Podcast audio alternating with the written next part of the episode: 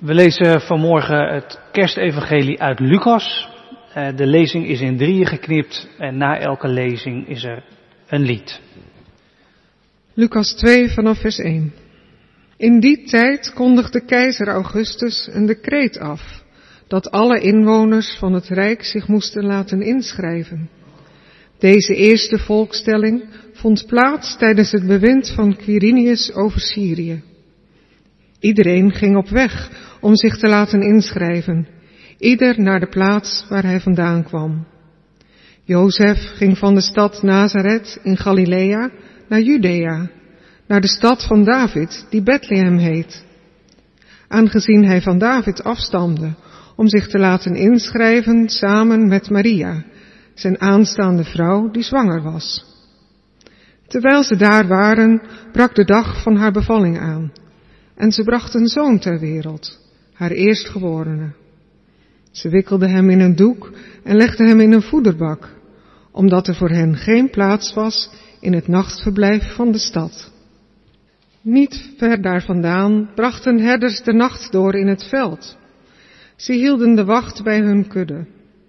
Opeens stond er een engel van de Heer bij hen en werden ze omgeven door het stralende licht van de Heer, zodat ze hevig schrokken. De engel zei tegen hen, wees niet bang, want ik kom jullie goed nieuws brengen, dat het hele volk met grote vreugde zal vervullen. Vandaag is in de stad van David voor jullie een redder geboren. Hij is de Messias, de Heer. Dit zal voor jullie het teken zijn. Jullie zullen een pasgeboren kind vinden, dat in een doek gewikkeld in een voederbak ligt. En plotseling voegde zich bij de engel een groot hemelsleger, dat God prees met de woorden, eer aan God in de hoogste hemel en vrede op aarde voor alle mensen die hij lief heeft. Toen de engelen waren teruggegaan naar de hemel, zeiden de herders tegen elkaar, laten we naar Bethlehem gaan om met eigen ogen te zien wat er gebeurd is en wat de Heer ons bekend heeft gemaakt.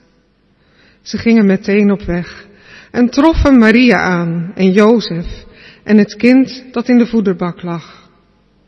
Toen ze het kind zagen, vertelden ze wat hun over dat kind was gezegd. Allen die het hoorden stonden verbaasd over wat de herders tegen hen zeiden. Maar Maria bewaarde al deze woorden in haar hart en bleef erover nadenken.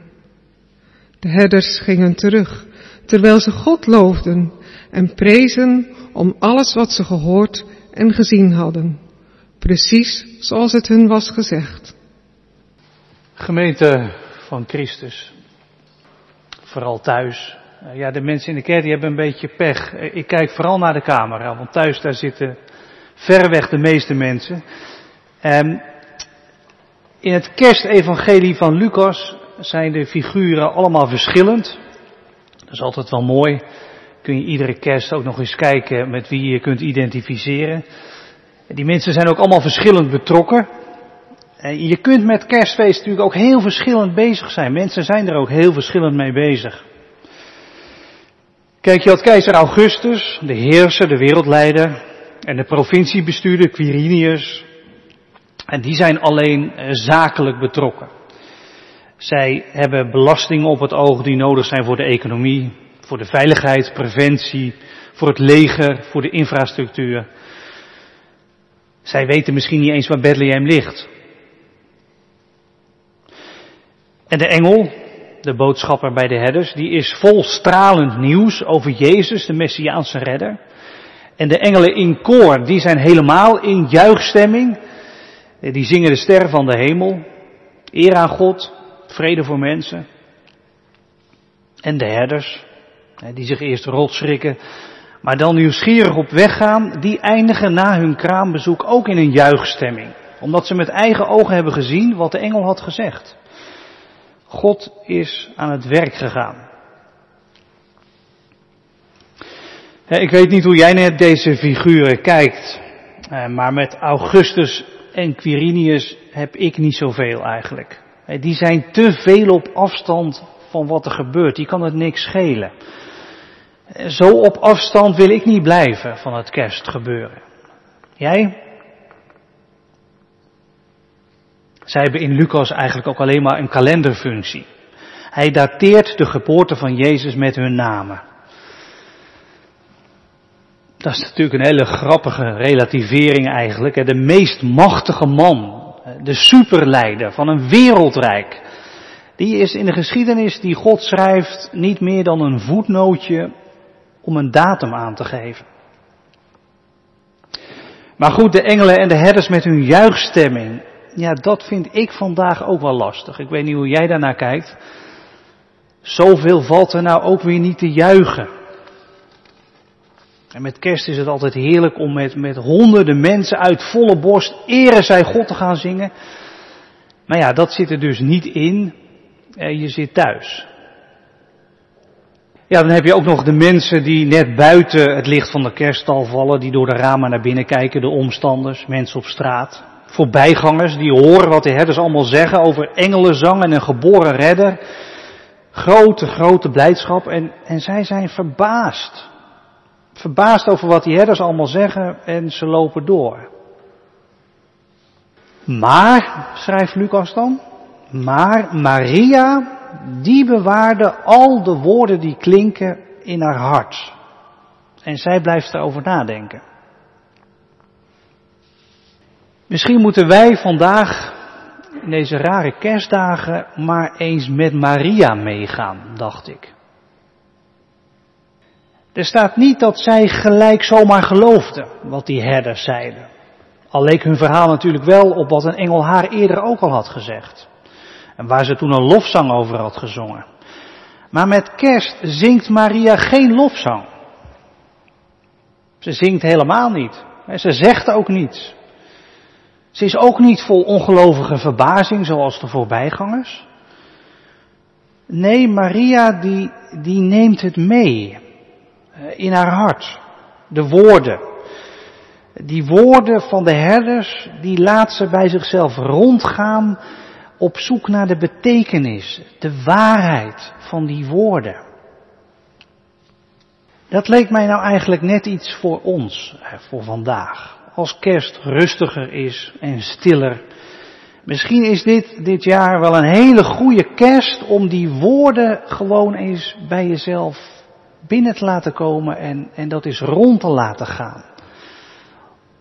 Om zo kerst te vieren, tot de kern te komen van kerst.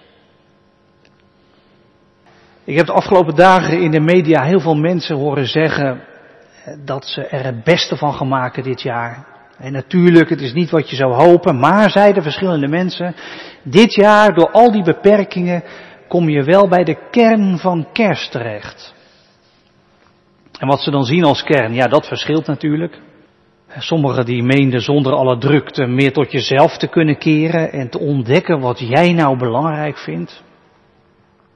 En anderen die hadden zoiets, zonder al dat extra bezoek kun je nu kerst vieren met je meest naasten, de mensen die er het meest toe doen. Of de kern vinden mensen in omzien naar elkaar, juist nu, nou ja, vul maar in. En het is, het is allemaal waar, er zit allemaal wat in. Maar laten wij vandaag eh, naar Maria gaan en de woorden die zij wil bewaren. Dat is waar je de echte kern vindt. De woorden van de herders, die ze gehoord hebben van de engel. Wees niet bang, want ik kom jullie groot nieuws brengen, goed nieuws brengen, dat heel het volk met grote vreugde zal vervullen. Vandaag is in de stad van David jullie redder geboren. Hij is de Messias, de Heer. Het zijn natuurlijk prachtige woorden, hè, die die herders hebben gehoord van de engel en die ze nu doorgeven. Maar voor Maria was bij die woorden natuurlijk meer niet duidelijk dan wel. Hoe kon nou haar zoon in vredesnaam, dat weerloos kleine kind, redder zijn, Messias, Heer? Wat moest zij zich bij die woorden voorstellen? Wat, wat moesten die woorden betekenen dan? dit kwetsbare kind zo ver buiten de kringen van invloed, zo ver buiten de mogelijkheden voor een goede opleiding die je nodig hebt om politicus of bestuurder te worden. Wat moest zij met deze woorden?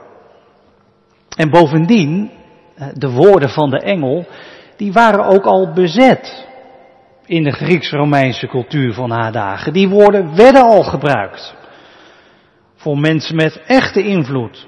die, die uitdrukking goed nieuws in het Grieks, dat was de term die in die dagen gebruikt werd voor het bericht van een overwinning van de keizer. Een overwinning die vrede moest brengen. Dat was goed nieuws. En titels als redder of heer, dat waren titels die ze voor de keizer gebruikten. En die de keizer ook heel graag voor zichzelf gebruikte. En dan kun je natuurlijk wel denken bij jezelf, dat is grootspraak hè, van zo'n keizer. Maar bij zulke mensen met invloed, die ertoe doen, zie je tenminste wel duidelijk wat ze in de melk te brokkelen hebben. Bij hen, bij hen zie je direct wat dat soort woorden moeten betekenen. Goed nieuws, redder, heer. Je, je ziet bij die mensen, oké, tuurlijk, ja, ja, ik zie het ook wel. Maar als Maria naar dat kindje in die voerbak keek, goed nieuws, redder, heer. De omstandigheden zijn zo compleet tegengesteld aan de boodschap van de engelen en de herders. Wat moest ze ervan denken? Ze laat die woorden bij zichzelf rondgaan in haar hart. Nou, dat vond ik echt ontzettend herkenbaar dit jaar. Maria dat er meer niet duidelijk is dan wel. Ik weet niet hoe dat bij jullie zit. Misschien heb je dat ook wel. Dat de dingen in je leven, in de wereld, in deze crisisdagen, de boodschap zo tegenspreken dat God ons redt in Jezus. En, en bij ons lijken toch ook heel andere heersers de echte doorslag te geven in onze wereld. En, en bij redding denken wij vandaag nu eerder aan werkende vaccins. Of, of aan steunmaatregelen van de overheid. Wat moet je nou van, van deze woorden denken? Nou ja, het is ook geen wonder dat de voorbijgangers in Bethlehem verbaasd zijn over die woorden van kerst. En geen wonder dat je je hoofd schudt en je schouders ophaalt en dat je als voorbijganger gewoon weer verder gaat met je leven, met je zorgen, met je plannen of met je gebrek aan plannen. Met je lonkende perspectieven of juist je doffe uitzichtloosheid. Maar, maar als je zo verder gaat en je gaat met de voorbijgangers mee, dan gaat de kern van kerst langs je heen. Ik wil je dus vandaag heel sterk aanraden om dat niet te doen. Ga niet met de voorbijgangers mee. Maar doe wat Maria deed. Die, die woorden hè, van die engel, van die herders, die grote woorden, laat die vandaag bij je binnenkomen in je hart. Ik weet niet wat er bij jou allemaal zit in je hart op dit moment.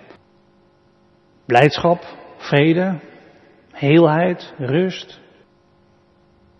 Of juist verdriet, ontevredenheid, gewondheid, boosheid misschien wel. Of moedeloosheid, of van alles wat. Of misschien ook wel spijt over dingen die je gedaan hebt als je zo terugkijkt een beetje aan het einde van het jaar. Dingen waarin je tekort geschoten hebt, bent. Wat zit er bij jou in je hart? Laat nou vandaag de woorden van kerst daar binnenkomen in jouw hart. Goed nieuws, grote vreugde, redder geboren, Messias, Heer. En laat die woorden de hele dag vandaag maar een beetje bij je rondgaan van binnen. Goed nieuws. Ja, goed nieuws. En vreugde. Nee, lang niet altijd zichtbaar, niet op het eerste gezicht, maar toch goed nieuws, weet je. God. God is er. En God is niet onbereikbaar op grote afstand, maar Hij is deze wereld binnengestapt als mens, als redder, als Heer. Nee, je ziet dat niet direct terug in dat mensenkind in die voerbak.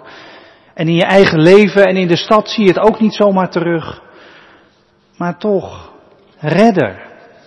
Redder, die het gaat redden met jou, met deze wereld. En Messias, speciaal gezalfd, speciaal geroepen voor jou. En Heer,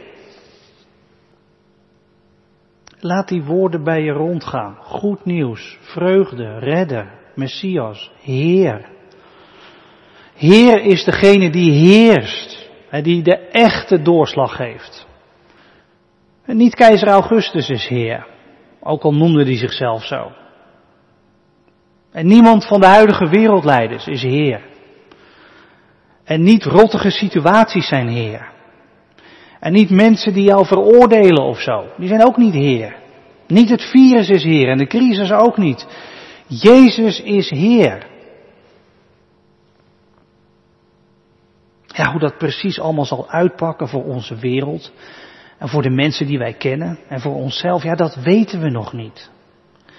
En, en hoe het met ons zal verder gaan in de huidige crisis, dat weten we ook niet. Net als Maria. We horen de woorden, maar we weten niet precies hoe ze zullen gaan uitpakken. Daarom denkt Maria na over die woorden. Ze zoekt naar betekenis. En daar zit ook iets in van, van hoopvolle nieuwsgierigheid, van, van geduld, van vertrouwen. Laten wij dat ook doen, wat Maria deed. We herhalen die woorden in ons hart.